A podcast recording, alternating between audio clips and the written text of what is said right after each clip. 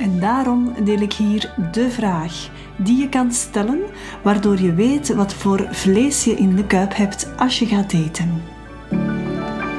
Welkom, ik ben Annemie en je luistert naar Amami Moments, een podcast over liefde vinden, duurzame relaties en het vrouwelijk ondernemerschap. Welkom en fijn dat jij luistert. Heel wat van mijn klanten vinden het moeilijk om terug te gaan daten. Zeker als ze wat negatieve ervaringen hebben gehad in de liefde of in het datingproces, gaat de moed nogal eens gemakkelijk in hun schoenen zakken. Ze hebben gewoon geen zin meer in gedoe.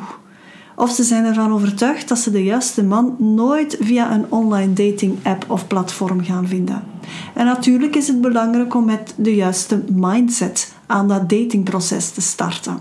Niemand heeft er iets aan als je tegen je zin en met enorme weerstand die dating-app opent, omdat je er diep van binnen eigenlijk niet in gelooft. Dus die mindset is echt wel prioriteit.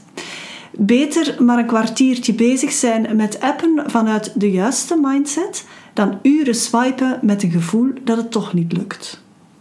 Nu, dat was even terzijde. Stel dat je, dat je toch een date hebt met iemand, besef dan dat het stellen van de juiste vragen jou helpt om die date te kwalificeren. Waar ik bij mijn klanten een prioriteit van maak, is om hen zo goed mogelijk voor te bereiden op dat datingproces, zodat ze voldoende doorzettingsvermogen aan de dag brengen om zichzelf te handhaven en die mindset dus goed te houden. Vaak gaat het over de manier waarop je vragen stelt. Een tip die ik geef is om open vragen te stellen, waarvan het antwoord jou iets vertelt over de persoon die voor jou zit.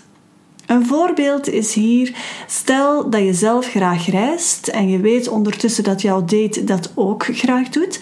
Ga dan echt wat dieper in op het gevoel dat het reizen geeft. Vraag bijvoorbeeld welke reis jouw date het meest beroerd heeft en wat die bestemming of die reis hem, hem of haar heeft bijgebracht. Of hoe die reis hem of haar beïnvloed heeft als mens bijvoorbeeld. Of gewoon wat die persoon zo leuk vindt aan reizen. Dan peil je naar een diepere betekenis die iemand geeft aan dat reizen. En zo kan je dat met elk onderwerp wel doen.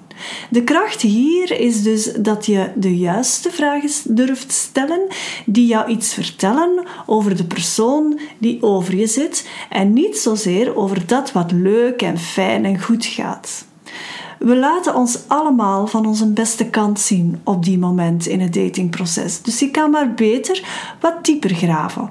Of op een ja, luchtige en een toegankelijke manier uh, vragen stellen om sneller de persoon die voor jou zit te kunnen kwalificeren, om daar hoogte van te krijgen. Je moet op het einde van je date de vraag kunnen beantwoorden of je met deze persoon nog een volgende date wil of niet. Nu, naast peilen naar interesses en de emotionele beleving daar rond, is het ook belangrijk dat je naar waarden peilt. En daarom deel ik hier de vraag die je kan stellen om te weten wat voor vlees je in de kuip hebt als je gaat daten. Deze vraag kan je vroeg in het datingproces stellen. Het is wel belangrijk dat je elkaar al ontmoet hebt. Wees voorbereid op twee zaken. Ten eerste, misschien wat ongemakkelijke reacties. En ten tweede, dezelfde vraag die terugkomt naar jou. En die vraag die luidt als volgt. Is er iemand die denkt dat je in een relatie bent met haar? Of is er iemand die moeite heeft met het feit dat wij aan het daten zijn? Kan je je voorstellen wat dit teweeg brengt bij iemand die bijvoorbeeld een friend with benefits erop nahoudt, of waar de ex-partner nog eh, heel aanwezig is, niet dat daar op zich iets fout mee is, maar antwoord op deze vraag zal je wel duidelijkheid geven. Dus is er iemand die denkt dat je in een relatie bent met haar? Of is er iemand die moeite heeft met het feit dat wij aan het daten zijn? Natuurlijk ook de energie waarmee geantwoord wordt, is belangrijk om op te letten. Is er wat irritatie? Schuifelt hij wat met zijn stoel? Kan hij de kracht van de vraag inschatten? Geeft hij antwoord of draait hij wat rond de pot? Allemaal zaken waar je echt op kan letten. En let er ook op dat je deze vraag niet op een defensieve manier stelt, maar vanuit oprechte nieuwsgierigheid.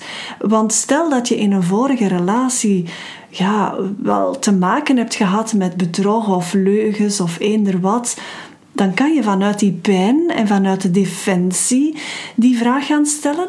Maar je ja, het is belangrijk dat je toch vanuit nieuwsgierigheid en een diep gevoel van eigenliefde die vraag gaat stellen. Je wil gewoon exclusief zijn voor iemand. Punt aan de lijn. En ik zei het al, je krijgt die vraag waarschijnlijk wel terug. Dus zorg ook dat je vanuit je eigen integriteit daar antwoord op kan geven. Natuurlijk zijn er nog heel wat andere vragen die je kan stellen. Heb jij interesse om echt aan de slag te gaan met daten? En wil je de juiste informatie krijgen die jou echt verder helpt? Neem dan contact met mij op en we kijken samen hoe ik jou kan helpen.